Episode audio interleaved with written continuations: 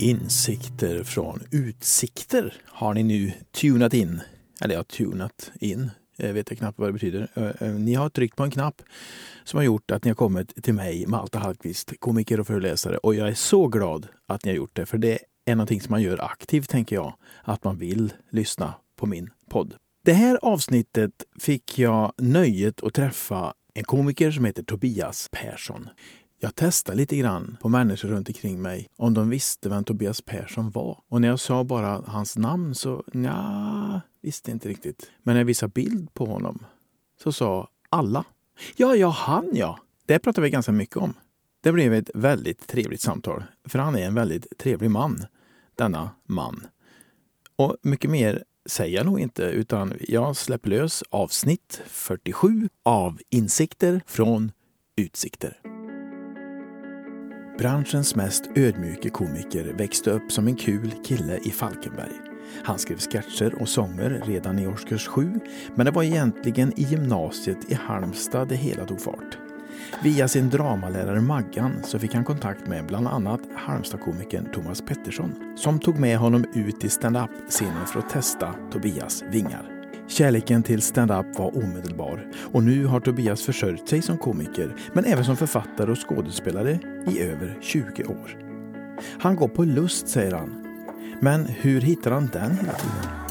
Kan man för evigt välja bort Beatles?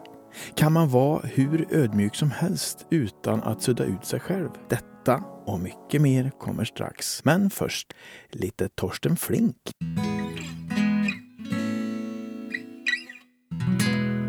Nej, men jag eh, var och tittade på Torsten Flink när han var i Karlstad. Han var bara ja. en timme sen.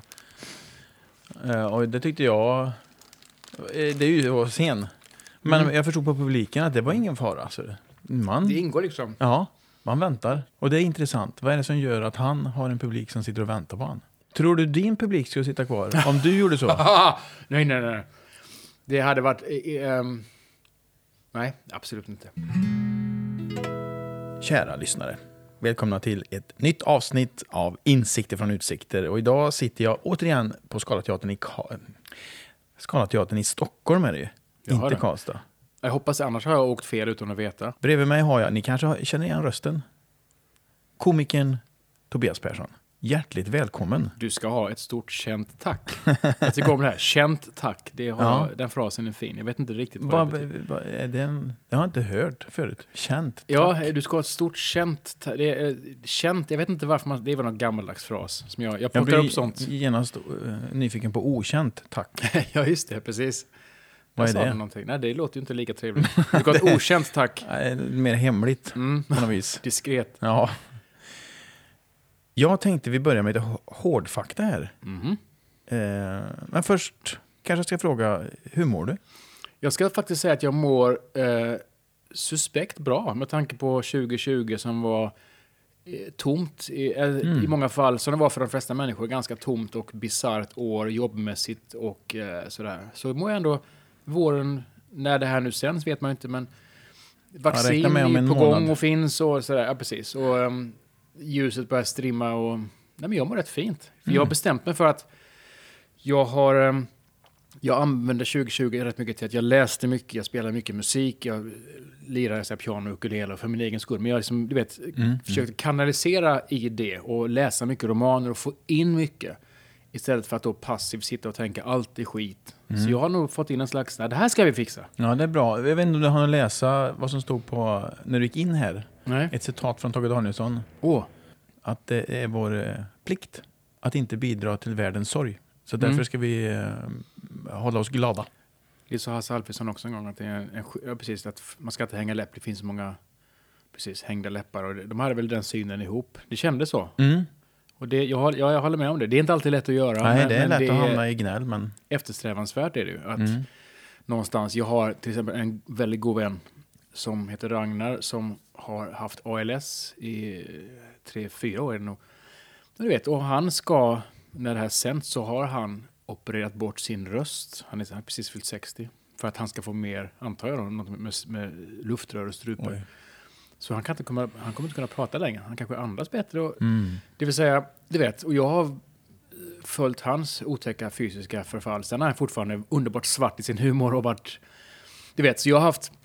Alla har vi, om vi har tur eller otur, hur man nu ser det, vänner och bekantskapskrets där folk drabbas av saker. Så får man ibland, du vet, banka sig i pannan och säga gnäll inte nu. Nej. Jag kan fortfarande gå, jag kan spela ukulele. Jag kommer tillbaka till ukulelen. Nej men du vet, jag är en... Den verkar vara viktig för dig. Den är väldigt viktig, jag behöver inga kompisar. Fyra strängar och jag ler. Ja. Eh, nej men eh, du vet, man, man får påminna sig själv om att banne mig, det, jag har, behöver inte vara så deppig i alla fall. Nej. Och det, då är, tycker inte jag att man ska vara sådär heller övercheck. Du vet att du kan bli vad du vill och välj glädje. Jag, jag är inte heller för den grejen. Jag, jag, jag skriver inte under på hela Kai Pollaks. Bara, det är bara att välja ljuset. Och så lätt är det inte heller. Men Nej. om man jämför kan man åtminstone vara så här trea plus. Mm. Ja, men jag tror bara inställningen, är, alltså som, som Tage skriver, att är, Ja. vi har en, en eh, mänsklig plikt här. Ja, Håll upp. det. Håll upp. Du, jag sa att vi skulle börja med lite hårdvaluta, eller hårdfakta. Oh. Mm. Så, eh, det blir en sån här faktaruta som man ser i tidningar. Vet du. Eh, fullständigt namn, Tobias Lennart Persson, ålder, 45. familj, Eh, Jag har familj, jag har tvillingdöttrar som är nu 11 år och är mina små ögonstenar som jag, som en del lyssnare kanske vet om de har sett min föreställning, har kämpat för att få Mm. i livet. yes, och vi kommer återkomma till det. Mm. Yrke, Jag brukar kort kalla mig komiker, även om jag... Det är inte upp till mig att kalla mig själv för allkonstnär, men jag, det vore förmätet. Men jag skådespelar också, jag skriver mycket manus, jag har eh, gjort lite sådär... Återigen, jag har varit gjort radiogrejer, imitation, jag har gjort musik, lite film. Så jag, jag tycker om att vara, jag, jag tycker om att vara kreativ, men komiker låter bra. mm. Det, Vi- det vi- summerar. ja, vi ringar in komiker. Ja, det är Mm. hårt. Hobby, Musik. äter helst, Ja, tack. Ett stort känt tack. Jag äter helst, jag tycker om eh, sushi, indisk stark mat, jag tycker om... Eh, eh, ja, det är väl de jag tycker bäst om. De två, husmanskost och lite, jag är ganska tradition. Jag, jag är inte så, jag är ganska okräsen, men jag, jag är inte så bevandrad inom mat. idag var det hamburgare säger jag. Idag var det en hamburgare på vägen hit. Mm. Det funkar. Det, oh, det funkar, du anar inte. Dricker helst, Mer och mer vatten och te, men jag eh, tycker om whisky och ett glas rött kan ju sitta som en smäck mm. en torsdag med lite nötter och lite Mozart i bakgrunden och en ja, liten fötterna bok. högt. Oj, oj, oj. Ja, men faktiskt, det, det ska man inte underskatta. Favoritkomiker, Åh, vad svårt. mm. Ja, jag säger John Cleese då, för att det finns så många i Sverige. Jag kan nämna kollegor och vänner. Jag har... Jag säger John Cleese, för han var en av de tidigaste som verkligen... Knock, och jag har träffat honom en gång, ska jag berätta. Det var vä- väldigt stort. Alltså, det är stort. skakat hans hand i en bokkö, det vill säga signering. Men jag, Ja, bara att jag fick eh, skaka hand med honom, var, det var stort för mig. Ja, det hade varit stort för mig också kan jag Mm. säga. Det är ju en ikon. Ja, ja, ja. Vi tar från början, Mm. tänkte jag. 1 september 1975. Vad hände då? Vad minns du av den dagen? Ja, jag minns att du föddes. Det var Du stor... minns? ja, jag är född Vad 68. läskigt, det här är en sån där... Ja. Vet du vad det var för veckodag?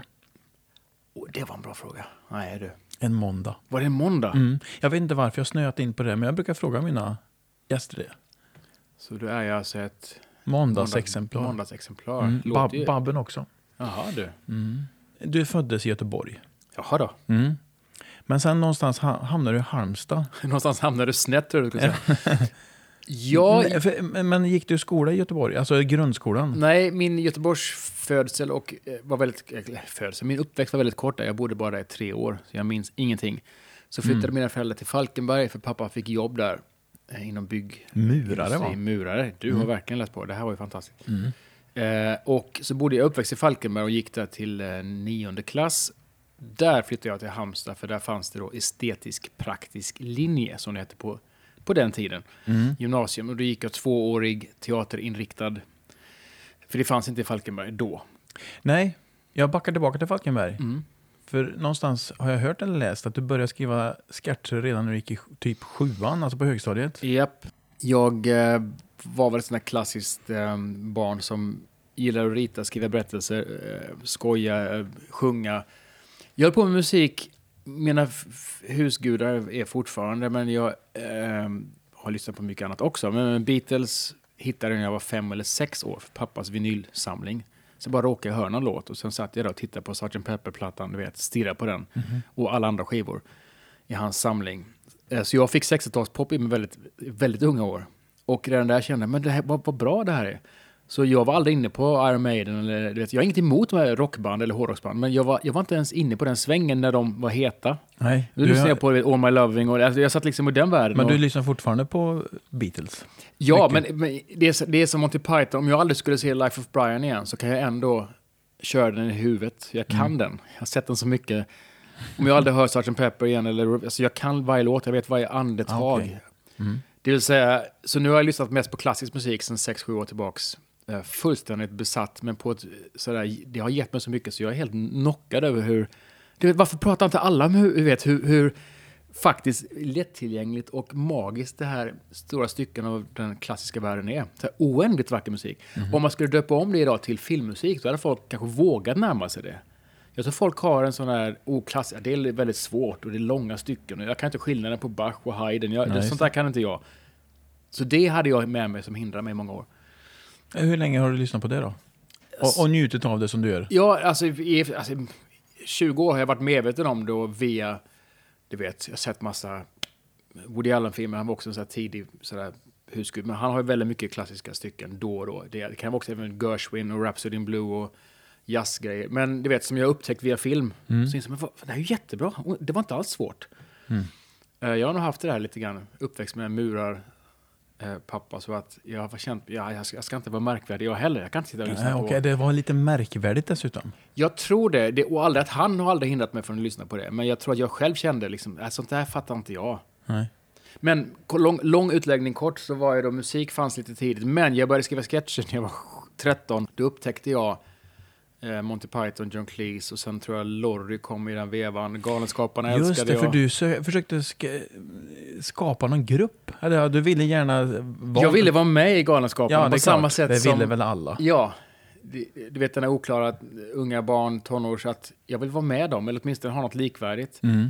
Så Hur jag- gick det då? Fick ihop någon grupp? Nej, jag frågade några kompisar och jag tror att jag sådär, min stackars bror har ju fått ställa upp väldigt mycket i, vi hade en grupp som hette The Boys när jag var 9-10, jag säger grupp.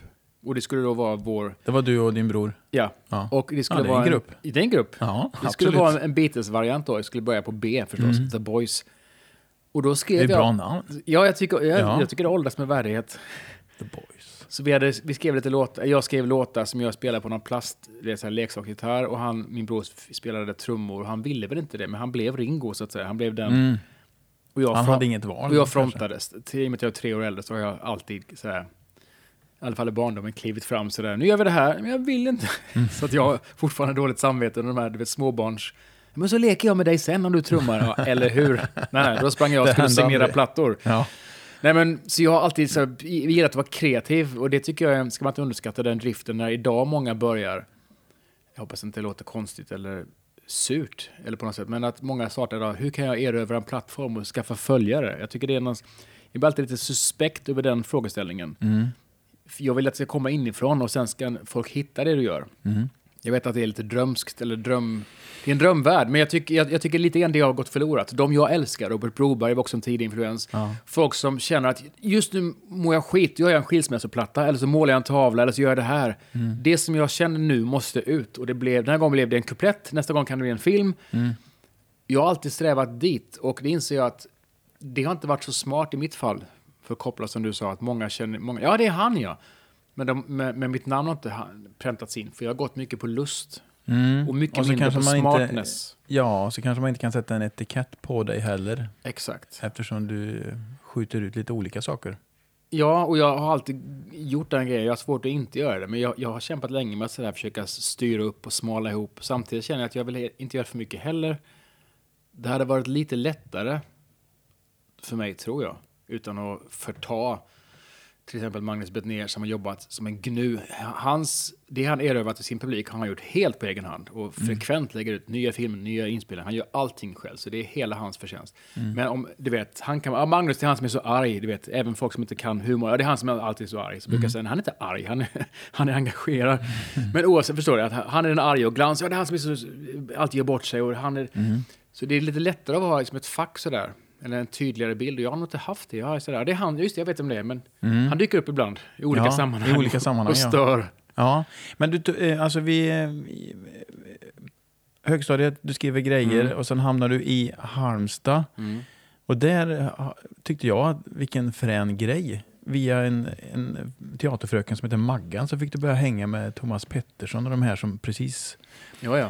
Då fanns det ju bara två kanaler dessutom i Sverige så det de var var ju det. kända, riktigt kända. 90, 91, 91 var det här jag började i skolan där, gymnasiet. Och då träffade jag precis Margareta Ek som var, är fortfarande en väldigt kär vän som har betytt lite mer än vad jag kan faktiskt, alltså jag kan inte riktigt sätta det i ord vad hon har gjort. För hon var Vad, dels, gjorde, vad gjorde hon? Nej men hon, hon frigjorde mig och mina kollegor och många som gått i de här skolorna, spel, som Nettan Capucci, en kollega till mig, hon spelar på Vallarna, har gjort det i 15-20 år. Och också med Thomas och Jo- Jocke Netterqvist som spelar Arn, han gick också i, i en klass över mig, hade samma. Så det har kommit mycket människor som Maggan behandlade alltid oss som att vi var vuxna, fast jag var extremt omogen när jag var 16. Jag, jag var lite rolig kille så. Eh, absolut inte uppkopplad på andra plan.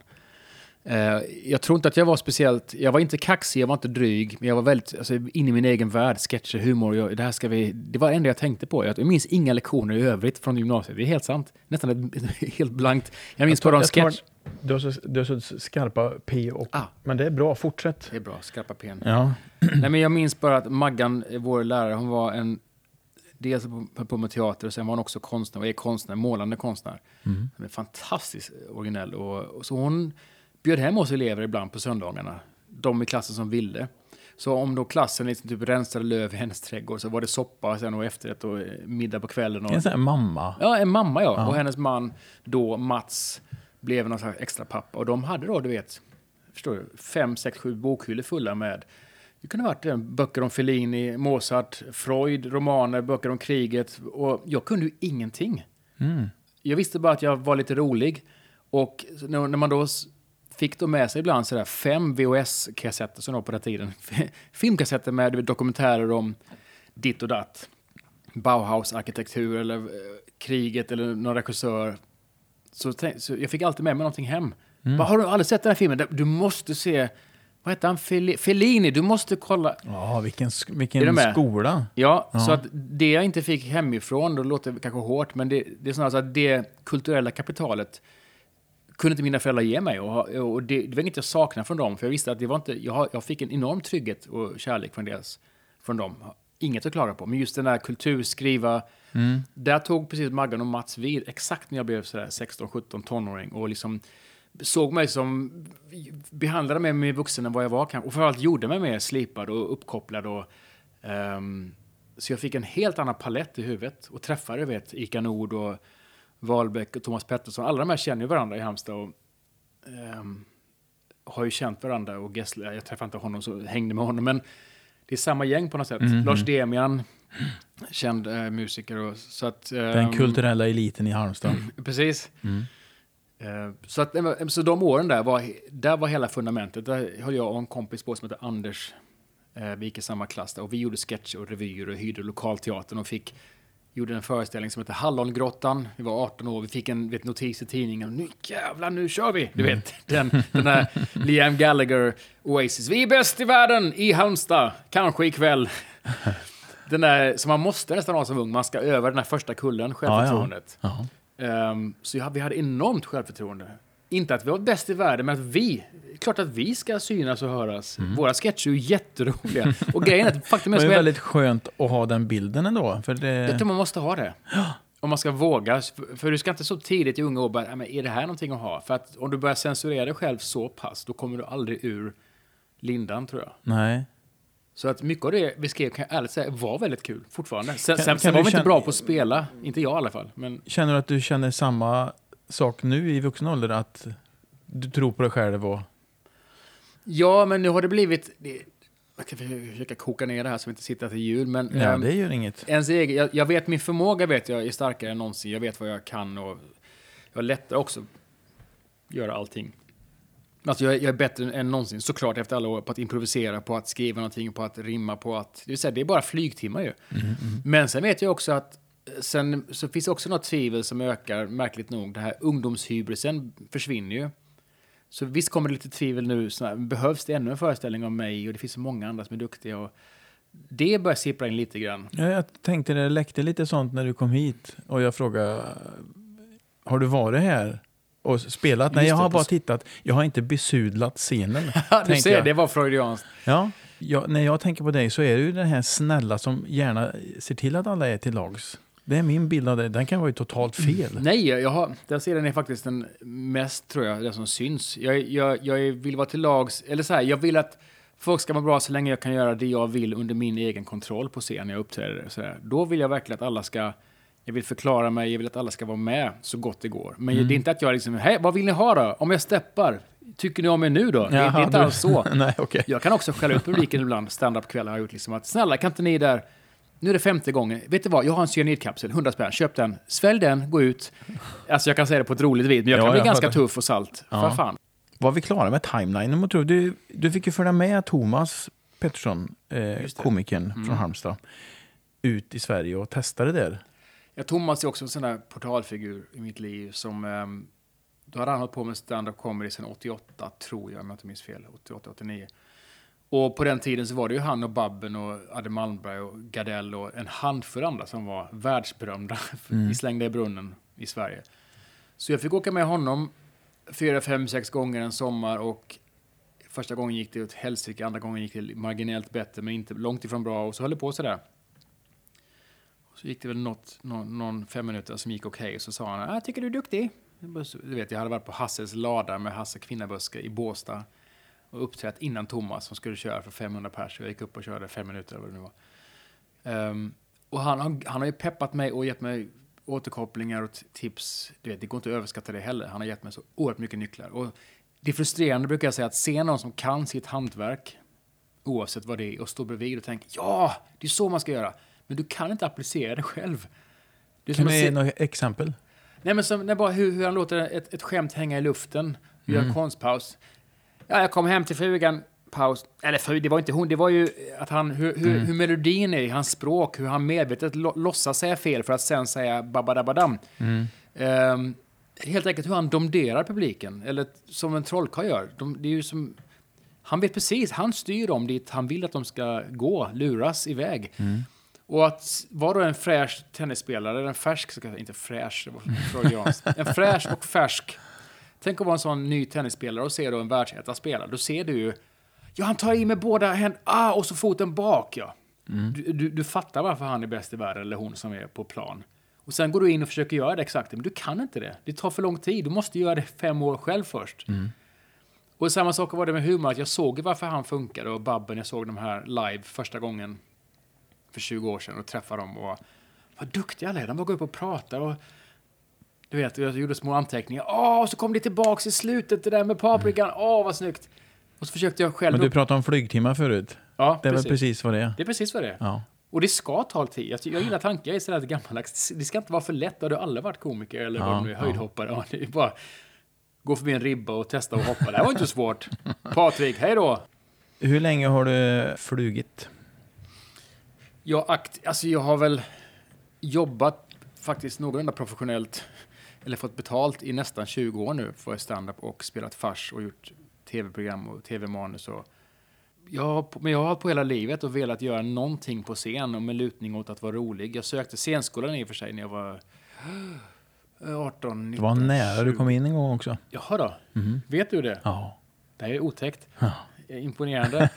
Ja, Tre jag, gånger sökte du. Och Ja. så håller du på att komma in i Göteborg. Du har inte ens, ni som lyssnar nu, jag kan säga Malte har inte ens en, en laptop framför sig.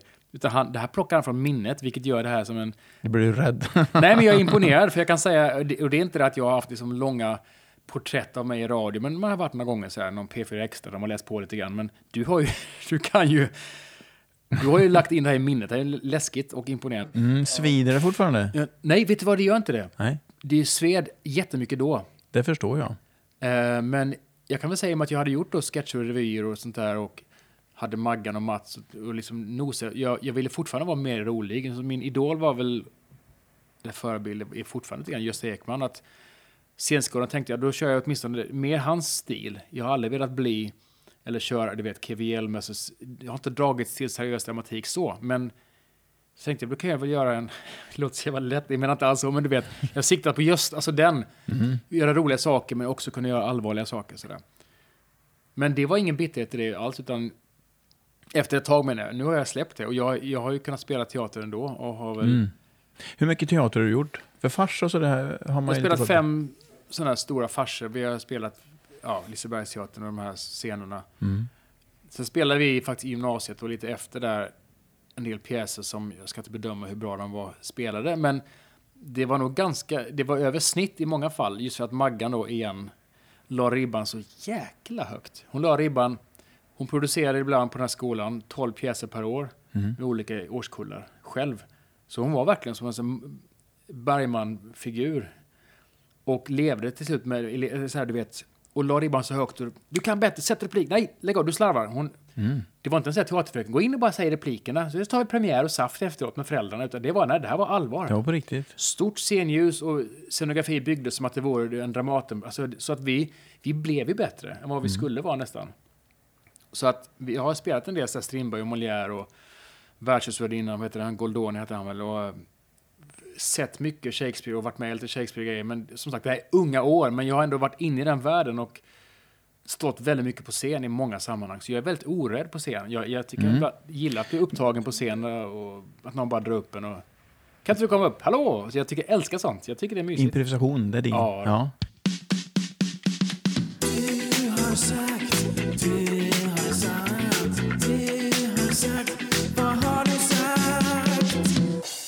Vad var det du sa? Jag har i min podd en, en liten pusselbit som heter Du har sagt. Oh, eh, väldigt otäckt. Jag känner mig som en politiker nu i Agenda. Så här. Men sa inte du i riksdagen? Är du beredd? Jag, är, jag sitter helt still och lyssnar. Jag är ganska ograbbig. Jo, men det stämmer väl. Jag är väl ograbbig så tillvida att jag har varit... Jag har suttit mycket hemma och, och ja, ritat, lyssnat på musik. Jag har lätt för att gråta. Jag gillar att vara med... Jag är väldigt, väldigt barnkär, mer än vad de flesta är faktiskt. Även kvinnor som har ändå äggstockar och kanske en annan typ av längtan. Jag har aldrig haft ett grabbgäng. Det var det jag tror det brukar jag tänka på. Jag har aldrig gått ut sådär vi fem på stan och gå pubrunda. Jag har aldrig gjort det. Jag har aldrig varit med i ett gäng. Jag har haft enskilda goda vänner. Nej, vet du vad? I vuxen ålder har jag saknat det så här retroaktivt. Ja. Att det har varit skönt att vara 22, 23 och du vet, ha ett gäng och flabba lite och inte vara så himla... Jag var så, inom citat, citationstecken, jag var så duktig för så unga år, skrev sketcher och jag skrev en sketch om dagen när jag gick i gymnasiet. Det var ett nyårslöfte jag gav mig själv. Ett straff alltså. Enormt tempo att skriva sketcher. Ja, men ja, då ska jag säga då, jag säger sketcher. Vissa av dem var en halv A4, för det var sådär 23. Och jag hade en sån här löjlig grej, jag satte den här pressen att jag måste göra en varje dag. Om klockan var 23.50 så hade jag glömt skriva den. Då fick, vaknade jag med ett ryck och skrev, skrev någonting på fyra minuter. Mm. Bara för att innan klockan slog 12. Som, ask, som askungen, som om mina händer skulle falla av annars istället för en sko. Vilka regler du sätter upp för dig själv. Det är det jag menar, förstår? Jag känner bara, kunde jag bara träffat några killkompisar, bovlat och kolla, "Åh, kolla snygg tjej där borta. Så jag hade behövt lite grann av det, Mm. tror jag. Men nu har jag väldigt fina, eh, många trevliga män som jag umgås med och kvinnor. Alltså, nu har jag, nu känner jag inte att jag behöver det alls. Är det någon pubrunda ibland nu då? Nej, jag, är, jag går väldigt sällan ut. Utan Mm. det är, jag gillar att gå ut och ta en öl, som man säger. Och, men då gillar jag att prata, babbla som vi gör nu. Det här är min... Mm. Jag går aldrig ut och... Ja, men det, nej, nej, det är inte alls jag. jag. De som vill får gärna göra det, men jag har inte gjort den här... Det var krog nummer tre. Vart ska vi nu? Jag vill hem. Jag, vill, jag tycker Mm. inte det här... Det är dyrt. Jag har aldrig förstått den här Och högt. högt. Och liksom jag, efter tre öl blir jag bara så här sentimental och fnissig. Jag vill inte ha åtta öl Nej. och stå och kissa hela kvällen. Det, är- det är faktiskt... Jag, tycker, jag har aldrig förstått den där liksom... Hui, hui, hui. Vad händer med dig då om du dricker åtta öl? Om det är vid tre öl så blir du sentimental och jag, kan, kissnödig. jag går på toaletten ja, och så blir jag, nej, men då vill jag dels spela musik eller prata musik. Och kommer Mm. en låt på radion så kan jag liksom, åh höj, åh, jag blir så liksom. Mm. Jag blir inte arg, jag blir inte, jag vet inte, jag vill bara gå och lägga mig. Och det är en skön impuls att ha den istället för liksom, ja nu ska vi ha shotbricka. Jag har aldrig gillat den där klockan tre när hon, vilka vill ha? Ja, jag vill ha en taxi vill jag ha, jag vill hem nu, jag vill inte, nej, man lever bara en gång. Ja, precis just därför. Jag vill inte sova här med din, i din soffa här och lyssna på Magnus Uggla tre på natten. Jag vill hem nu. Mm. Men vad tråkigt. Jag vet, jag är en liten farbror. Jag, jag, jag är stolt över Är det det du menar med ograbbig? Farbror? Jag tror det, men även som... Farbror sitter är väl grabbigt ändå? Ja, men lite, vi sitter här med i Drosins eh, teater här. Han är Mm. också väldigt lillgammal. I, eh, lyssnade på Povel Ramel med hörlurar när han var sju eller vad fan Mm. det var. Liksom, jag, kan, jag, känner, jag är samma typ av människa. Mm. De flesta, jag är, en grubblande, läsande, funderande och väldigt kä- känslosam person. Det behöver inte vara bra, men jag är, jag är inte huh, så. Nej, okej. Ja, lång historia kort. Vi tar nästa. Jag går på lust. Ja, det är verkligen så. Jag går mycket på lust och det är ju inte alltid kanske bra, men jag tror att det är enda vägen att kunna vara i en bransch, vara kreativ, att kunna gå på lust och inte bara vad är praktiskt att vara med i, vad borde jag göra nu, vad tycker folk om? Mm. Jag tror inte det går. Så gör man saker ibland man kanske inte alltid har lust att göra eller man måste göra för det ekonomiskt. Eller man tar som alla jobb. Men jag försöker gå på lust och göra det jag tycker är skoj. Mm. Och sen, ehm, och det, det gäller även privat, jag försöker liksom trycka in saker jag, som ger mig någonting och skära bort det som inte ger mig någonting. Jag gör det väldigt aktivt, mer och mer. Att jag liksom, jag, jag frigör tid för att få lust med det, eller ge mig det som ger mig lust. Jag tar bort, stänger av telefonen ibland, som folk blir vansinniga på. Jag har försökt ringa dig, men jag har läst en bok. Jag vill inte, då vill inte jag prata med någon. Nej, men vad är det för bok? Det? Men jag vill inte, du vet, jag har inga pushnotiser, inga pling. Ehm, Vad händer om du har det? Blir du stressad om det plingar? ja, men det är som att du läser en bok och någon knackar dig på axeln och säger nu Pernilla Wahlgren skilt sig. Att, eller det kommer någon nyhet från någon afton. Du vet, vem, vem vill ha det?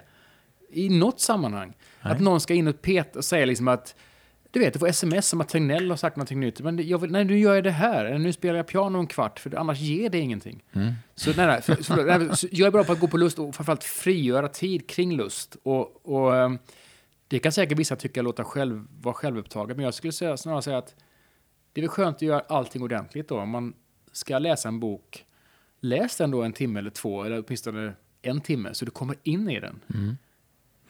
Nästa. Jag har gråtit i logen innan jag gått upp på scen. Ja, det kan nog vara, just det, jag tror det kanske var något julbord jag hade. Eh, det var någonstans, ja, jag har nog haft ett par sådana, jo, jag har haft ett par sådana tillfällen när jag har um, pratat inför 500 personer som har skrikit och liksom behandlat en illa och man ska in sen och göra pass nummer två för samma gäng en timme senare mellan maträtterna. När man sitter i logen, då, har jag varit, då är man så så här julbords, då har man gått ett helt år, man är säsongs, man är sliten man är trött, man går på fälgarna. Och då blir man så här, jag orkar inte, jag kunde varit hemma nu och kramat Ja, ungarna och spelat Jag hockeyspel. tänker just på det där att, att du går på lust. Ja, Det blir ju en jättekrock. ja, det blir verkligen så. Då, då blir jag, för varje år blir man också starkare, märkligt nog, att jag, jag tar ingen, nästan, nästan ingenting personligt längre. Om någon inte skrattar eller så känner jag att jag tycker inte att jag är värdelös som människa, som jag tyckte när jag var 19. Att Mm. jag missade poängen i sketchen. Fan vad dålig jag är på alla plan. Jag är hemsk. Och, Mm. Så jag straffar inte mig själv längre. För jag vet om, aha, det är en sån kväll ikväll. Jag kan, jag kan bara göra det jag kan Mm. göra och hoppas vi att det går bra. Det känns som att din självkänsla har ju vuxit den med har tid. vux, Precis. Mm. Den har jag har landat i det att om Skönt. vrålar så kan, behöver inte jag liksom, du vet, Hepp, ska jag göra trolleritrick? Vill ni- Ska jag visa snoppen? Vad, vad vill ni höra? Ska jag sjunga en sång? Jag, bara, Mm. jag anstränger mig inte för att roa folk som är arroganta, till exempel. Då är, vet du vad? Livet är kort, sa jag i, för några jular sedan. För ett stort företag som jag inte ska nämna, men de hade vrålat i en akt. Så skulle jag in igen en timme senare.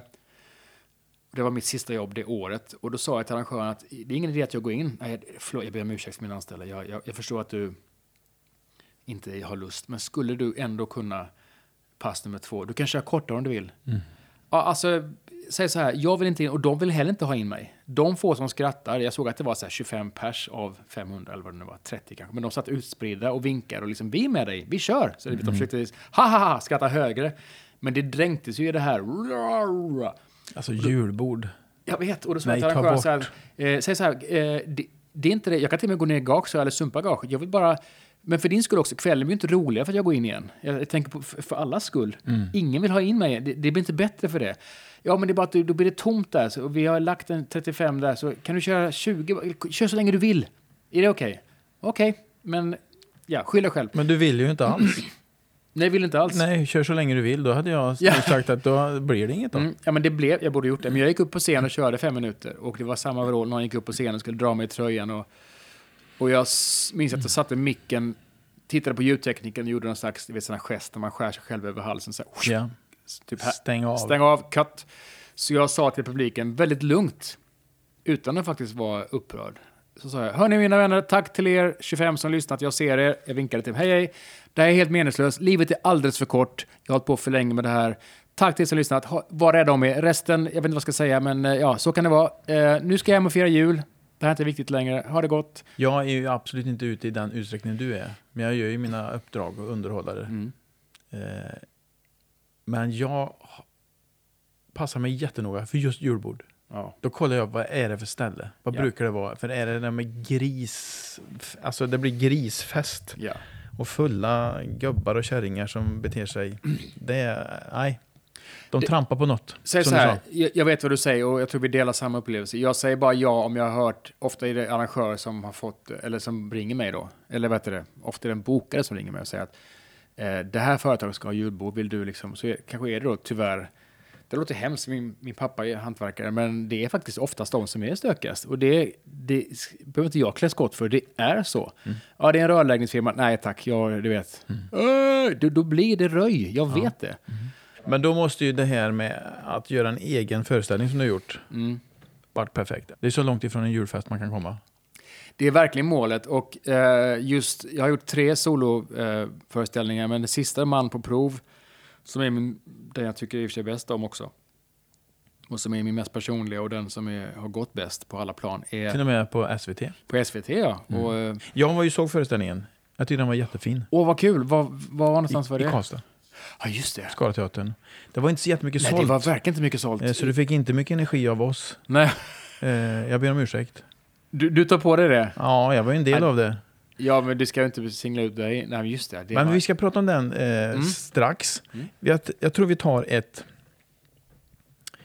Något citat till, om du orkar. Ja, du. Ja. Ja, det här var ju när jag skrev till dig. Eh, om du vill vara med i podden. Mm. Så skrev du, ja men du har ju haft väldigt fina gäster och jag själv är ju en hedersknyffel.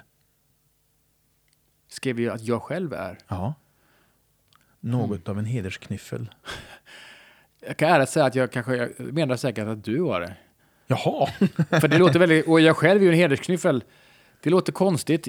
Eller så menar jag säkert, jag kanske menar så här, du har väldigt fina gäster och jag är bara en liten pajas, vad ska du med mig till? Så tror jag att jag menar. Mm. Lite grann som att besudla en scen. Exakt, att jag gillar oss, exakt, moi, inte ska jag. Jo, men jag har nog lite grann av det också i mig, tyvärr. Det tror jag också. Ehm, som, som en blandning av en, en hemsko och eh, ibland tycker man att Nej men du vet, inte ska, men det finns något också något fint, det finns något fint med det. Jag ser även Johan Glans fortfarande ibland går av Norra Brunn och säger eh, tack för att ni vill lyssna på mig och han ser ut att mena det också. Ja. Som att han är jättetack att ni orkade, ja, men vi älskar ju dig, du vet. Mm, mm. Och det finns något fint med det. Sen så kan det också bli oändligt jobbigt när man gör för mycket sånt. Och ja, det, för det tror om man jag. gör avkall på sin egen person så blir man ju till slut ointressant. Ja, jag vet, nej, jag, jag, jag vet att det är en av mina stora faktiskt grejer, att jag behöver bli bättre på att bara sådär, jag tycker du är jättebra, äsch, per, eh, förlåt, tack! Ja. Jag är jättedålig Vad, på att vad säga gör du för att jobba på det då? Det, jag, kan, jag kan helt frankt säga att jag jobbar inte alls på det. Vet du vad du ska göra för att bli bättre på det då? Nej, jag tar gärna emot tips där. Och jag vet faktiskt inte varför jag har den heller i mig. För nu har jag på så många år och varit i så många sammanhang. Så att nu, är- nu behöver inte jag heller, förstår du. Det är som att jag fortfarande inte riktigt fattar att jag jobbar med, gör det här. Om du vill ha ett tips, jag vet inte om det här, nu skjuter jag från höften här, men det är ju egentligen som jag sa, tro på dig själv Ja. och hitta det där som du hade när du var 18 år. ja. För någonstans tror jag också, när du skriver ner dig själv så hjälper du publiken att skriva ner dig själv och då blir du eh, inte lika spännande. ja. Därför går publiken hem om du kommer en timme sent. Men det gör man inte på Torsten Flink. Nej. Fan, jag vet ju vad jag kan när jag är i form. Då ska jag väl bara köra det och inte liksom Mm. ehm, göra någon meta-analys. Hepp, ja, där fick jag till det. Det, det där. Nej. Och det, det, jag vet inte vad det är. Jag har gjort en liten spaning sådär med Tobias Persson. Mm. Att när man säger Tobias Persson så säger folk eh." och så visar man bild. Ja, ja, ja, ja. Just det. Mm. Det här är ju verkligen amatörpsykologi på hög nivå. Men jag kan tro att i och med att du hjälper oss som tittar på dig, att du är inte så, så, Just så det. rolig. Så, utan, nej, men det var, Jag tror det är att man i, i, i, i ens strävan att vara ödmjuk och inte ta för mycket plats. Och det, det kommer ju någon välvillighet. mm. Att inte framstå som jag känner en del skådisar eh, och jag, Som just, inte du, ja tack, jag känner. Uh, jag kommer ihåg när jag, sätter ner, det här ska jag berätta, jag kommer ni älska. Uh, du vet, jag är så allergisk mot den, men som du själv sa, jag är så långt ifrån det så jag kan bara vara mig själv. Jag Ja, behöver inte ens tänka på det. Nej, du behöver inte vara orolig en sekund. Eh, Så jag kanske skulle börja prata så här resten av Ja. podden. Vad säger du? Jag kommer ihåg när jag var barn. Har du tid? Eh, mm, nej, precis. Nej, man ska bara tro på sig själv. Det, det är något attraktivt med det. Det är som när jag Ja. ser Freddie Mercury på du vet, Queen Live Aid. Mm. Hur han, jag ryser. Byter hud när jag ser det där klippet varje gång. När han, hur han bara äger scenen. Och han, strutt, han är fjantig på scenen. Han struttar som en tupp. Det är så här bara överkropp, men du vet sådär. Mm. Men det blir enormt. Jag blir nästan sexuellt attraherad. För han är så Ja. himla såhär, Ja, vilken men, ja. jävla karisma han har. Och det blir, men gud! Det, då, det, då, det, då, det, det här liksom han gör. Det är ju om han då Ashpers inte ska jag sjunga, det hade inte funkat. Nej. Eller hur? Eller Thåström eller var inte rädd för mig! Du måste ju gå in och bara ge dem på ditt sätt. Sen kan det vara låg energi, men du ska ändå äga. Och det kände jag fall att jag gjorde mycket mer i Man på prov, ska jag säga, för att ge mig själv en liten klapp på ryggen. Via Rakel Molin. Att gå in på scen, gå inte upp och hej, vad är ni för glatt gäng, utan berätta bara din historia. Tro på den, bottna i den. Och det var så skönt. Du ser. Men vad skönt att du kan ringa in det. Ja, Gör, Så mer, gör mer av det jag känner också det. Stå bara och var, äg din egen liksom, person och dansa inte runt så mycket. Stå still. Som, Ja, men alltså, det har jag upptäckt i livet att man behöver inte... Man behöver inte. nej. Folk älskar dig ändå. Ja, alltså efter så många år när man gjort så mycket och jag vet om vad man yrkesmässigt, att jag, vet ju vad jag kan och vad, det är inget konstigt. Så att, Nej, men Man- då är det, det där, att veta det och så ska det landa i en känsla att japp. mm, det tar ju en stund. Men övar du ska du se. Jag tror faktiskt det. Jag, jag, är, jag är för att, som jag sa, att det här sätta av tid till lust. Man måste sätta av tid också till att bearbeta de aspekter som är, och framförallt då koppla till varför jag inte mer profil, eh, det vill säga varför inte folk, ja han ja, min favoritkomiker, han är det, utan, ja det är han ja, han, han är komiker va, han gör lite olika, det kan ju vara en, en aspekt på det, att jag inte har Ja, det tror jag. Nej, men man kanske har fått också några små törnar kan jag säga, utan att, eller törn, men det är saker som borde blivit som inte blev och man har hört Scenskolan, kan det vara en sån? Nej, inte den, men Nej. många tv-program som jag, du vet, alla säger, varför är du inte med där? Jo, jag vill vara med, men det är inte, det är inte mitt Mm. val. Ja. Och Parlamentet har jag hört. det är exempel till att jag skulle, det är ett av få program, men nu det har gått så länge så nu är det så här, nu kan det nästan kvitta sig utan låta liksom, men jag skulle gärna vara med om de ringde. Mm. Absolut, jag Ja. älskar ju, jag känner ju alla, Anders S. Väl och Tornving, det är ju mina, alltså Per och kompa, Per Mm. Du skulle ju funka hur bra som helst. Jag vet, då blir jag sådär, jag har haft, jag har haft många sådana program där man varför är du inte med i det programmet, det här ljugprogrammet, du kan ju improvisera. Jag vet. Det är ett av få program, jag har varit med så mycket, men där jag verkligen skulle vara bra, där får jag inte vara med. Eller snarare, jag har inte till, förstår du. Så det är lite komiskt det här när man väl, det är ju verkligen mitt format. Och då, när man fått många sådana besked, eller nej, eller inte gått med, det har nog säkert urholkat lite grann av mitt självförtroende, tror jag. Inte att jag tvivlar, tvärtom, jag vet att du skulle vara bra där. Mm. Men det har säkert eh, gjort lite så här, ah, det kan gå... Svider lite. Ja, eller åtminstone, tack och lov kan jag säga utan, utan att faktiskt ljuga, jag går inte och tänker på sådär, på nej jag fått eller saker jag inte är med. Jag gör verkligen inte det. Förrän folk frågar. Mm, En gång, det. alltså nu då, ja just det, ja, jo jag skulle gärna med där. Men jag går inte runt och, fan jag har inga, för jag har för mycket annat som går bra och som är roligt. Mhm. Så att, Vi eh, kanske ska släppa det. Ja, Vi stänger avdelningen eh, Du har sagt.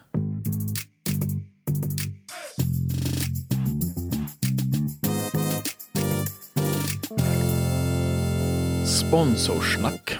Det finns köpcenter och så finns det köpcenter. Och så finns det Bergvik. Alltså Bergviks köpcenter. Bästa Bergvik.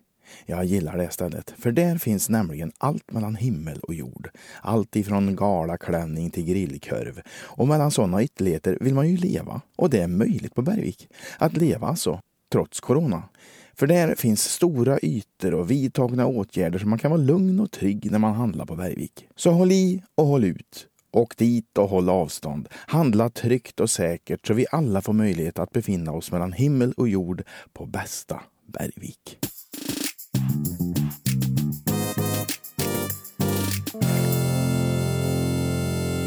Jag vill prata om din föreställning Man på prov. ja, Som jag då, som jag nämnde kort förut, Mm. var och såg. just det. För de som inte vet vad det är, vad, vad handlar den om? Det är en enmans föreställning, jag kallar det för humorföreställning tror jag, och inte en stand-up-föreställning. Om, just för att det var inte så eh, det var inte så stand-up-aktig show att tjena, vad är ni för glatt gäng på bänk 1? Utan det var min historia om den IVF-resa som jag och Mia gjorde innan vi fick då våra tvillingdöttrar. Vi höll på i fyra år, gjorde tio försök, vi bekostade själva. Ah, Det är alltså en lång, jobbig resa att gå igenom eh, provrörsbefruktning. Och jag har ju vänner som har gjort kanske två försök och har knäckts psykiskt. Det är det värsta jag varit med om och inte orkar mer. Det är dyrt också. Dyrt, ja. En del har inte råd, det är en aspekt. En del har försökt, men det tar stopp, så det blir ingenting. Etc. Så den, vi fick ju barn 2009 och jag gjorde föreställningen 2018. Så det var ju, läkningsprocessen var ju ganska lång. Ja. Och jag tror man kan... Men den hade ju också eh, happy ending. Det var ju Oh ja. det var ju befriande på något vis eftersom man var ju med dig. För den är ju eh, både svart och väldigt rolig. Mm. Du har ju bara det att när du ska lämna spermaprov har du med dig din svärmor. Ju en, In, ju, inte varje gång ska jag tillägga. och inte med in i rummet kanske. Nej, det, det är väldigt tydligt. Det fanns nyc nyckel. Nej, klös på, jag släpper inte in dig.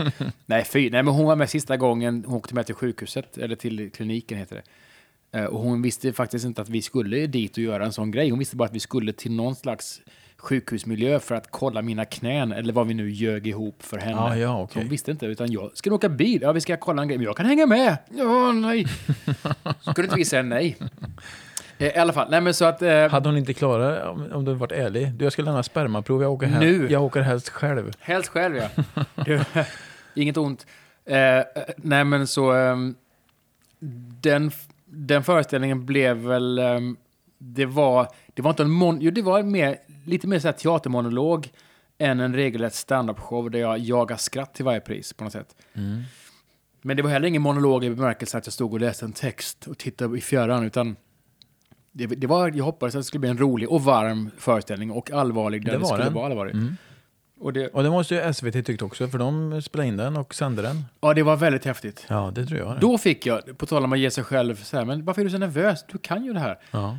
Om jag vet att det är när jag var 16, jag ska få en egen soloshow i SVT en timme, liksom. det är ju inte alla som har, det är inte självklart. Nej. Det är ju jättestort och häftigt och, och ärofullt. Och, så att, ehm, och det blev också en fin final på våra, alla våra år av strävan och alla försök vi gjort och liksom sorger kring IVF och förhoppningar om vi gick adoptionskursen vi aldrig fullföljde. Du vet, och att då få det här, ah, prata om det, det blev, det blev min terapi. Och också nästan som att förstå, jag liksom nästan förstod själv vad jag hade gått igenom medan jag pratade på scen. Som man ofta gör, du, du pratar om det och hör folk, ja vi la 450 000 på IVF, säger folk i salongen. Ja, eller hur, visst är det mycket pengar? Alltså, då, först då, Det vet jag, det var en ganska rolig komisk poäng du hade när du började räkna ut vad du kunde ha gjort istället. Ja, istället, om vi hade fått barn på, exakt ja, på så att säga, va, traditionell väg, det vill säga man kollar på Let's Dance och dricker vin och hamnar i sig, Ja. som jag skojar om. hade vi fått barn så, vad hade vi då kunnat göra med 450 000? Vi hade kunnat eh, köpa en stor rymlig trea på Drottninggatan, så gör jag en paus, i Älmhult. Vi hade kunnat eh, hyra Tommy Körberg åtta gånger. Vi hade kunnat åka till New York 40 gånger. Alltså, här, jag har gjort en sån här kalkyl, Ja. vad man kunde göra. Vi kan köpa Laholms kommun. Nej men, ehm, och att då få skämta om det är så befriande och veta att det finns många par i publiken som sitter och Såklart. gått igenom det här. Så dels var det för dem och dels att faktiskt förstå vad, jag, vad vi själv gått igenom och ge det en slags värdig, du vet, knyta ihop säcken på något sätt. Mm. Och det var så gött. Jag älskar att leka med den här spänningen när man har folk sådär, oh, när det är ett fint moment. Som när vi gör vårt, vad heter det när man tar den här manicken på magen på BVC? Man, man ska kolla på fostret. Vad heter det? heter någonting. Ultraljud. Ull, tack, du ser. Eh, och då visste inte vi att vi hade tvillingar, väntade tvillingar. Så vi såg ett foster och åh vad vackert och sådär. Så förde de manicken till andra sidan magen. Åh, vad ser ni här då? Och så tittar jag på, liksom, på scenen och vad, vad fan, vad, vad har Mia ätit? Säger jag tror jag. Nej men är det två? Och då hör man i publiken att många vet inte om att jag har fått eller vissa har läst kanske någon förhandsartikel eller sett mig, du vet, Malou och berätta om det här. Men för många är det, de vet inte hur det ska gå ens i föreställningen. Så de är, de är med, du vet, de är med mig som att de är med där i rummet på något sätt. är det två? Är det sant? Och så gör jag en paus och det är helt tyst i salongen. Valuta för pengarna. Förlåt, det sa jag inte. Så här. Och den, jag älskar sånt, du vet, när det är genuint vackert och så gör man en liten rolig grej Ja. i, den, i den lilla... eh, Och på Alla- tal om Thomas Pettersson och timing att hålla den här... Och njuta av att nu är det så här 600, det är helt tyst. Eller, eller det jag var i Karlstad, 70 pers eller vad det nu var. Ja, det var helt tyst från början. Ja, det var tyst från början. Hallå! Nej, men du vet, och det, det, det, är, det är bara flygtimmar. Att man vet om, där, ska, där ska jag säga det här. Liksom. Men just när det sitter 600 pers och bröstet är öppet och då får droppa en, Ah. en rolig grej där. Mm. Det, det är bra för själen. Och också min favoritsekvens i föreställningen är när jag i slutet säger jag måste visa bilder på mina barn, det ska man ju alltid göra. Och så tar jag upp en mobil på scen och liksom försöker, scenen är längst bak. Och så, så då råkar jag hitta en sladd i kulissen, det är klart allt är ju riggat. Men kan jag, eh, Kalle, vem nu var, teknik, kan jag, kan jag ta sladden här? Förlåt, det här är en dålig final, säger jag till publiken. Jag, jag, jag testar, kan man få upp den här på skärmen? Alla fattar väl att det är riggat, men du vet, jag testar att trycka in den där sladden, får vi se om ni kan se. Och så säger jag till publiken, i alla fall, tack för att ni kom. Och tack framförallt för att ni kom, Vilma och Hedda. Och först där säger jag deras namn. Och först där säger jag också att det var flickor. För det har inte jag sagt fram tills dess i föreställningen. Nej. Och det var inget smart drag av mig. Jag kom på det så här föreställning fyra. Jag säger inte ens vilket kön det är. För... Vad lysande! Jag tycker det är fantastiskt. Jag, jag, tänk, jag tänkte att det var väldigt fint snickrat. Nej, det, det, var- Det jo, var röta bara. Eller det, var, tur. det, det, var, det var tur, ja. Och jag hade med dem på scen, tror jag, premiären. Och när vi filmade för SVT hade jag också tog upp dem på scen. Och då har jag sagt till barnen, vill ni, jag kanske ropar upp er, är det okej? Skulle ni våga det? Gå upp och, ja, eller ja, ja jag tror det. En kvart senare, nej, jag vet inte om jag vill ikväll, sa Hedda. Ja, eller jo, jag vill nog. Ja, men vi gör så här då. Om ni gör tummen upp, jag vet var ni sitter i salongen. Jag ser er när jag bockar. Jag vet precis vilken rad ni är. Om ni gör tummen upp när jag tittar på er, då tar jag upp er. Annars gör jag inte det. Mm. Och så gjorde de tummen upp båda två. Log sådär. Här kommer de! Vilma och, och folk skrek ju som att det var, du vet. Jag blir tårögd nu. Jag vet, ja, men jag blev också det. Och de gick upp på scen och först när de vände sig om och såg publiken såg man att de blev sådär, herregud, du vet. Och folk, det var ju filmning också. Oj, oj, oj. Och jag lyfte deras händer som att de vunnit OS-guld. ja, du vet, det var så vackert. Och bara liksom få den... Ah, gud. Ja. Ja. Var det någon som tackar dig för att du kom? Hej, eh, svärmor. Hon var så, tro på dig själv. Ja. Äsch päsch, inte ska jag. Inte ska jag. Ett stort känt tack ska svärmor ha. Nej du, det, det, det var, jag är så glad att, att det här blev av faktiskt. Det känns som att det här kan nog barnen, jag, jag gläds även tan- åt tanken att de sen kan se den här föreställningen vet, när de är vuxna också och se, förstår du, se vår historia innan de blev till. Regissörer är viktiga. Ja, Och jag gjorde en egen föreställning, jag har gjort flera stycken. Och Mm. jag har en gemensam vän som var regissör till mig då. Som heter Thomas Pettersson. just det. Och jag skickade ett sms till han idag. Att idag ska jag podda med Tobias. Har du någon fråga? Åh! Och det hade han. Ja, Det var därför jag sitter med telefon. Herregud. Spännande. Kan du replikerna? Kan du replikerna till fars? Precis. Får jävla... Nej, det är sån här pest eller kolera-grej. Oh, okej. Mm. Ja. Fråga Tobias. Pest, eller kolera. Aldrig mer se eller lyssna på engelsk humor. Eller aldrig mer spela eller höra Beatles musik. Åh, fy! Åh, han känner mig. Gode tid. Du, det här var svårt. Det står Eh. också inom parentes, hans huvud kommer att explodera. Ja, bra. Jag känner Thomas. Hej Thomas, I love you. Ja, det här var det här är mina två... Det är som att ta bort, ja du vet, en hjärnlob, eller en, vad säger man, man har två hjärnhalvor. Alltså, ta bort den ena. Jag kan inte... Okej, jag måste välja. Vi Ja, säger det, så här då. Du måste ju det. Du var inne på det förut, att du skulle kunna eh, spela upp vissa grejer om Monty Python och vissa låtar. Vet du vad, jag, jag tror ändå engelsk humor någonstans, att jag får ta bort den. Ja, Beatles är kvar. Ja, för att musiken är, det vet du med att man kan gå på en konsert och en favoritlåt kan man alltid höra. Åh, där kommer den igen. Men eh, det är någonting med ord och sketcher som är, om jag tvingas välja så har jag lättare att höra kanske Hey Jude på en öde ö. Eller en- du vet, till exempel. Eller än att lyssna på papegojsketchen på en öde ö. Jag, Ja, tror, okej. jag tror inte man skrattar efter sju gånger på raken. Nej, det är ju intressant. Eh, Så det kan vara det. Att En det är något- låt håller längre. Ja, för musik är någonting abstrakt ofta, även om det ofta är text med i låtar. Men du vet, ett musikstycke är ofta, det är någonting annat. Och hör jag liksom Queen eller Tonight I'm gonna have myself... Åh, oh, nu kommer den! Höj, höj! Det är inte alls säkert att jag höjer på en Lindemann när man sitter i bilen. Nej. Nej, nu sitter vi och Jag kan inte höra den nu, för det liksom är... Så jag tvingas nog offra, tyvärr, engelsk humor för musiken. För Mm. Ja, jag, kan jag, jag, fattar. inte... Musiken har eh, längre hållbarhet Ja, än det, en sketch. eller hur? Det är, Så är därför, det är därför man inte kan... Därför vi komiker, och framförallt Thomas, kan jag också ge en eloge. Han är den som har varit i alla år den som har skrivit, en av de som har skrivit, skrivit mest material. Så Han, han, han är mest han skriver nytt hela tiden och Mm. har gjort det och var en sån stor för, föregångare att han skrev nytt när många faktiskt konkade runt i många år med Samma. samma akt, alltså plus minus noll. Men Jo, han jo. var liksom, han kom med en ny 40 minuter eller om det var en ny 50 eller timme. Vad det var. I princip varje år. Sen kanske inte han var nöjd, allt var så här, du vet. Ja, förra året, det var inte min bästa timme. Ja, men du skrev en timme, vad fan. Mm. Och så själv sitter man, jag har ett nytt skämt, så sitter man i logen. Och så. Nej, men så Hur att, länge håller du i, i skämt? Hur länge kör du dem? jag kan säga nu, nu ska, nu ska jag tro på mig själv. Det här är min Mm. nya Tobias. Jag är också bra på att skriva nytt. Jag är väldigt bra på det. Jag har blivit det senaste faktiskt tio åren. Att jag har lätt att skriva. Jag har blivit, framförallt blivit orädd. Jag går upp på scen och sjösätter, som jag säger, ett skämt väldigt tidigt. Och litar på att jag är så pass nu rutinerad så jag kan få det här svänga tillräckligt nu i en och en halv minut. Jag kan alltså, jag kan få premissen att svänga så att jag vet om att jag har bäring. Är du med? Och i och med att jag inte har så klassiska, alltså, som Robin, komikern till exempel, Robin Paulsson, som har upplägg och skämt, korta skämt, som han är briljant på, till exempel. Jag har aldrig haft den typen av korta, utan jag går upp och resonerar mig fram. Och då känner jag att men jag, jag vet hur jag ska få det här att låta tillräckligt skoj. Och det har jag vågat göra. Så jag skriver så att säga nytt, jag, jag, jag, svarvar, brukar jag säga, jag svarvar fram nya tre minuter ganska snabbt. Efter några gånger så har jag liksom en ny kvart, så jag kan lätt skriva.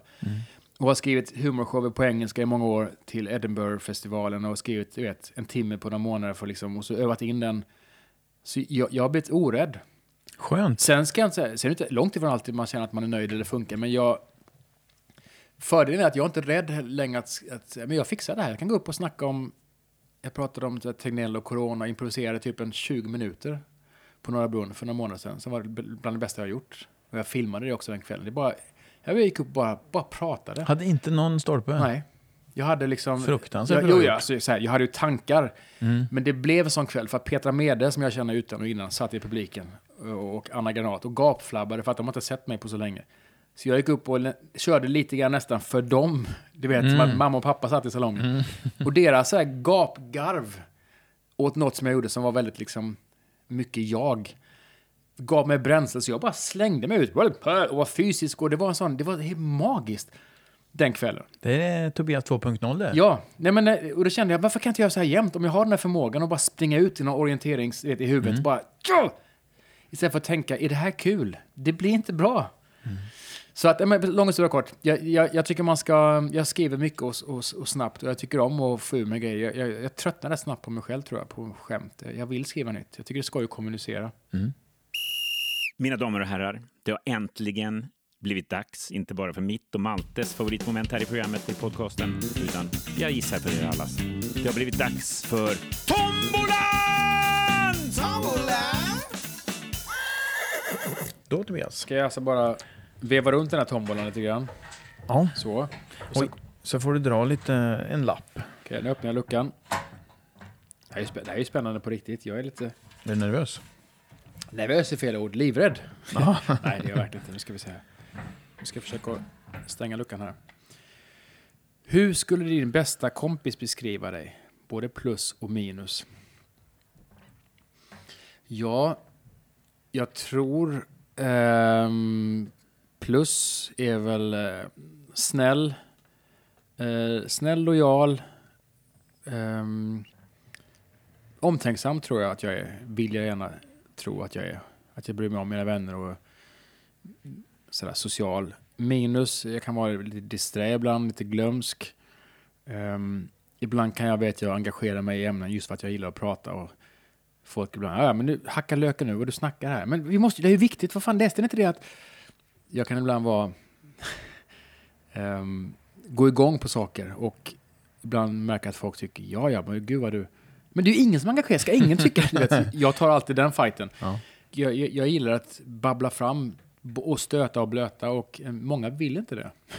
Jag ger mig inte för det. Du läser inte av det? Tjatig heter det kanske på svenska. Nej men du vet, enveten och liksom Ja. ibland när man är på middag hos pappa och sådär. Läste ni det i USA? De välte det statyerna och detta och detta. Och sen i Kina håller på det. Och läste de? Ja, ja, ja. Jo, jo, men eh, nu äter vi ju. Sådär, lugn nu. Mhm. Du får Men- inte med dig dem. Men jag, vill, jag tror det är den här Fellini-grejen, jag har fått fel film. Man sitter och pratar, hej, och det är livliga diskussioner. Ja, Jag vill ha liksom liv. Ja. Älta idéer, det är det jag menar med pubkultur. Jag vill inte sitta med ett grabbgäng och spana brudar. Jag vill sitta och prata om saker. Det kan vara musik, film och eh, du vet, sport. Men jag vill babbla. Mm. Jag vill inte sitta och bara dricka öl, shots och kolla på rumpor. Det är tråkigt liksom. I Ja. längden i alla fall. Ja, det kan vara... Ja, jag är helt med dig. Ja. Ska jag ta en till? Ja, det tycker jag. Ja, nu ska vi... Ska vi se. Oj, här har vi en lapp där det står. Vem skulle du vilja tacka? Ja, det finns så många. Ja, man kan säga mamma och pappa givetvis och syskon som har stått åt sidan och jag har agerat hemma i vardagsrummet. Du har, ju, har varit inne på några stycken också, såna här, Margareta och Margareta Thomas. och, ja, och Mats allihop. Ja, ja, för de har gett mig definitivt ja. Mm. Mycket pepp och... eh, Ja, de får man verkligen tacka. De har ju faktiskt format... Har du tackat dem? Ja, det har jag gjort. Mm. Det förvånar mig egentligen inte. Och har jag inte gjort det så kan jag inte riktigt förstå varför. Alltså jag väl... Då får vi hoppas att de lyssnar på den här podden. ja, ja, precis. Jo, men jag vet att jag har sagt, i, faktiskt ganska nyligen så fyllde till exempel Mats och min gamla, gamla teaterlärarinnas man fyllde år nyligen. Jag skrev ett långt fint. Man, man inser också ju äldre man blir att livet är kort och det ska säga det här nu. Fan, tack för allt du gjorde för mig. Mm. Du körde mig till, du körde mig till mitt första så kallade stand-up-jobb. I, du vet, du skjutsar mig och sätter upp micken och då, jag har käkat middag hos er, du har lärt mig. Det, ska man, det är fint att säga det. Det, kän, Mm. det känns bra. ja. Jätteskönt att säga sånt. Bra, det är alldeles för vanligt att det säger man först när de har dött på begravningstalet. Det hjälper väl inte. Vi, ja, så att eh, det finns massor med, och som jag nämnde, min vän eh, Ragge Ragnar som eh, har ALS som hade sin 60-årsskiva med vänner och han spelade upp låtar från sin, han har ju spelat in en platta också, som man gör när man har ALS. där han deklamerar till kända låtar, alltså egna skriva texter om livet och det är väldigt roligt, det är jättekul, ibland är det jättesorgligt. Mm. Men inte pekoral, utan det hugger på riktigt. Så här, jävlar vad snyggt. Mm. Och det satt vi och lyssnade på. På en, en krog, alla gästerna på hans 60-årsfest, hans skiva, och alla satt och grät. Sen började man skratta och sen sa alla, vi älskar dig Ragge. Och du vet, Mm. när man inser att det här är en slags live, nästan live-farväl. Ja. Istället för En, begravning. be så, en begravning där huvudpersonen är med. och det exakt ja, det var verkligen sådär. Det kanske man egentligen skulle vilja ha. En vän till mig sa, man sa det, Ragge, du kommer inte, vi, sjunger nu att hurra, du ska leva i hundra år. Du kommer inte bli hundra år, det vet vi alla. Och, eh, men vi älskar dig och Mm. du vet, en sån grej. Mm. Jättefint. Så att, eh, varför ska man tjuvhålla på de få? Ska man, för så många är det inte som har hjälpt en hela tiden. Det, så, jag, har inte, jag har haft eh, Nej. massor med fina människor, men du vet, de där nyckelpersonerna, det kan man gott liksom, tack för att jag har fått Mm. eh, gå i skola hos dig på så många plan. Liksom. Mm. Det är väl jättefint. Thomas och kompani har vet, haft tålamod och inte, äh, vad du förklarar dig själv, utan tvärtom. Läs den här boken, lyssna på den här komikern nu. Han hör du. De, har, de har trott på dig så som du borde tro på dig. Där sa den väldigt fin och förmodligen korrekt sak. Jag tror, eh, klart det är så. Jag ska, de hade inte gett mig tips eller tid om de inte trott på mig såklart. Det hade ju varit slöseri Ja. med deras tid också. Han är ju hopplös. Ja, Du vet, ja, det finns ju ingenting där inne. Då hade inte de låtit mig, nej, nej, det fattar jag också. Inte en chans. Ja. Ja, vi tar den sista. Sista lapp, ska vi se. Tombolan ska snurras. Här har vi en lapp där det står följande. Om du skulle förvåna dina vänner, vad skulle du göra då? Eh, Laga avancerad mat. Eller, ehm, eller eh, snickra, fixa ett tak som behöver lagas. Eller, eh, Är du inte händig? inte alls. Nej. Och om Thomas lyssnar, vilket jag hoppas han gör, så ligger han förmodligen i fosterställning nu och skrattar. Händig, han har fan tummen mitt i... Jag har inte... Nej, jag, jag, det har blivit en sån grej att jag nästan blivit hämmad av det. Att jag är så ohändig så jag, du vet, nästan... Alltså, jag, jag ger upp med en gång. Ah. Kan du dra sladden? Jag vet vad, det är ingen idé att ni, ni kommer att bli arga på mig, så gör ni det. Jag kan... Ehm, nej, men, nej, nej, så jag är verkligen oteknisk och jag, jag uppskattar mat. Jag kan laga mat rent. Jag har ju barn. Jag måste, men det är inte att jag har så här 15 rätter. Jag har så här 7, 8, 9 stycken. Jag Mm. Ja, men dem. alltså... men du förstår. Ja. Mm. Så jag eh, är medveten om att, och så ibland känner man när man kommer till gemensamma vänner och alla står i köket och gör, alla ska laga något eget och någon har gjort en, en väldigt fin, du vet, det här är lib libanesisk eh, alternativ indiegryta med sådana här eh, kolkolbönor. Vad är det? Har du inte smakat? Fantastiskt. Du lägger dem i marinad sju veckor och sen, Mm. och så står det, jag har med falukorv, du vet. Så, Tycker du att det blir snobberi? Då. Nej, det tycker ja, det kan det vara ibland. I, I vissa sammanhang kan jag tycka att mat blir sådär. Jag sitter här med ändå med en hamburgare på vårt lilla podcastbord. Ja, precis. Men eh, inte, ja, men, nej, jag, ska, jag, ska, jag, ska, jag ska se det ljusa sidan. De som kan laga mat och bli bättre på det, det är väl skoj att de förkovrar sig. Det är jag som inte hängt med. Mm. Eh, för ingen av mina vänner behandlar mig dåligt eller, liksom, eller vet inte vad det är. Utan de är duktiga på det och passionerade och jag liksom hänger med. Jag kan hacka löken så länge. Jag kan göra sallad och jag kan... Mm. Men jag är ingen expert. Ehm, så det är väl en grej jag har känt mig ibland hemma. där. Så jag har känt att det jag är bra på, det jag är till och med väldigt duktig på, är behövs sällan. Och, det, och vad är du... Ja, Men förstår, så här, jag kan Spela väldigt... ukulele? Nej, men jag kan, spela, jag kan skriva en sång på tre minuter till dig som rimmar och som är väldigt fyndig, liksom det, vilket många kan som är i vår bransch. Om du väl kan vet, rimma och stå på Mm. scen. Det är inte så svårt som det ser ut. Nej. Vad, vad får Kom du på det nu? Ja, men du vet, jag, vi kan knepen, vi kan ackorden. Men förstår jag har mycket sådär, tillgångar som jag... Mycket kunskap om ja, musiker och uh, konstformer och författare. Jag har sådär, som, ingen, riktigt- som ingen behöver. Till, förstår, men om Mm. någon ska göra maträtt behövs, laga tak behövs och Då är inte Tobias bilmotorn. Persson där man Nej, då står jag där. Visste ni att Schumann, han, han blir ju sinnessjuk? Vad hette det? Så att ibland känner jag att mina färdigheter lämpar sig mest för sådär. Jag behöver träffa, liksom, umgås med mer sådana här, du vet, dammiga nördar och dricka Mm. portvin. För det, det, det är det, jag vill sitta med så här, Fredrik Lindström och Edvard Blom och Dorsin och prata om, du vet, Karl Gerhard och liksom, Mm. eh, det är det jag vill göra. Och Hasse Tage och Frossa. Jag har sagt det i 20 år, jag vill ha Lindemann-kvällar och lyssna på liksom, Mm. jag vill en Lindemann till och så äter man. Och det tycker jag vore mycket roligare än att kolla på, ja, vad vet jag, Idol, Talang, som också är trevligt. Men du förstår, jag, Ja, jag jag, skulle hellre göra en sån Mm. grej och Ja. diskutera. jag vet inte varför, jag tycker det är kul. Men det är ingen som gör det. Jag har med min ukulele ibland till vänners landställe och, och Mia och alla. Okej, varför tog du med den? In, ingen blir så här, åh vad kul musik! Nej, ingen. är det sant? Tvärtom. Du får Varför- byta vänner, Ja, du får gå ut på ängen och spela. Vi vill inte höra den jävla... ding, ding, ding, ding. Ingen tycker det är roligt. Mm. Jag hade gillat det. Lite avslutning här då. Vi har ju varit inne på grejer som jag tänkte vi skulle avsluta med. Eh, din syn på dig själv och att du skriver ner dig själv. Men det vi inte har hunnit prata med, eller om, är ju egentligen... Det är så... eh, karriär i England. Du har ju varit eh, komiker i England. Åkt runt där ju. Mm. Det, är ju, det, är inte, det vet man inte om. Om man, inte, om man inte börjar läsa om dig. Nej, Eller om sant. man inte känner dig väl förstås. Det är sant. Jag har varit i Storbritannien sedan 2009 och åkte över på vinst och förlust. Eh, och ehm, några gånger med Magnus Bettner och tre andra komiker. Och vi fick en agent där som av, det här, det här kan vi ta i nästa podd, men en engelsman som trodde på oss och som hans idé var att jag ska marknadsföra svenska komiker i England. Det är nytt och det är, Mm. så han gav oss jobb, inga pengar, men jag flög över och förlorade pengar. Återigen, gå på lust, det här är kul, livet är kort. Hur ofta får du en chans när någon säger jag bor i England, ska fixa klubbgig till dig? Nej, jag orkar inte, ska man packa väskan? Det är klart man åker dit och Ja. testar. Mm. Och jag vet en del kollegor som sa i Sverige, ja vadå, ska du bli, då kom det, ska du breaka nu? Ja, jag hoppas det såklart, varför skulle jag inte? Mm. Men jag, jag har ingen aning om det går, men jag, det här är bara kul att testa. Ska du inte pröva? Jag kan inte pröva. Nej, men då så, jag tycker det verkar skoj. Och jag är också anglofil som sagt, jag är ganska hemma i, i det. Så det var, det var lätt att komma dit och känna, ja, det är här jag ska vara. Och jag har aldrig haft roliga gig som i, i England tror jag, eller Storbritannien. För att, att köra 40 minuter i Oxford till exempel på en toppklubb där, och, eller 25 minuter, och knocka publiken, det är en ännu större kick såklart. För att det är mitt andra språk. Ja, det är klart.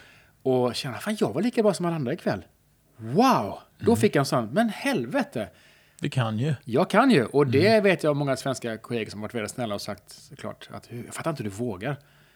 Men jag har väl, där har jag en sån här, men vadå, alltså går det inte så, jag, alltså, jag, jag är inte så rädd på scen. Går det inte så får jag väl skoja bort det då att I'm from Sweden, det är lugnt. Ja, det, det, där har vi dig. Du är lite så dubbel. Du tror ju på dig själv. Jag visste det är märkligt. Men när man, när man pressar in dig i ett hörn så då viker du ner dig. mm, det är en konstig grej där. Jag är bevisligen, alltså, jag är sån, jag brukar säga att om jag, jag, jag är en sån person som säger, om jag, jag kan säga att skriva en opera, men jag, jag, jag skriver en opera till nästa vecka, det är lugnt. Men ber de mig då som sagt laga ett matsalsbord så börjar jag gråta liksom. Mm. Hur svårt kan, för det jag verkligen kan, kan jag jätteväl och det tror jag på jättemycket. Och det jag är lite rädd för, så här, skjuter jag bort helt.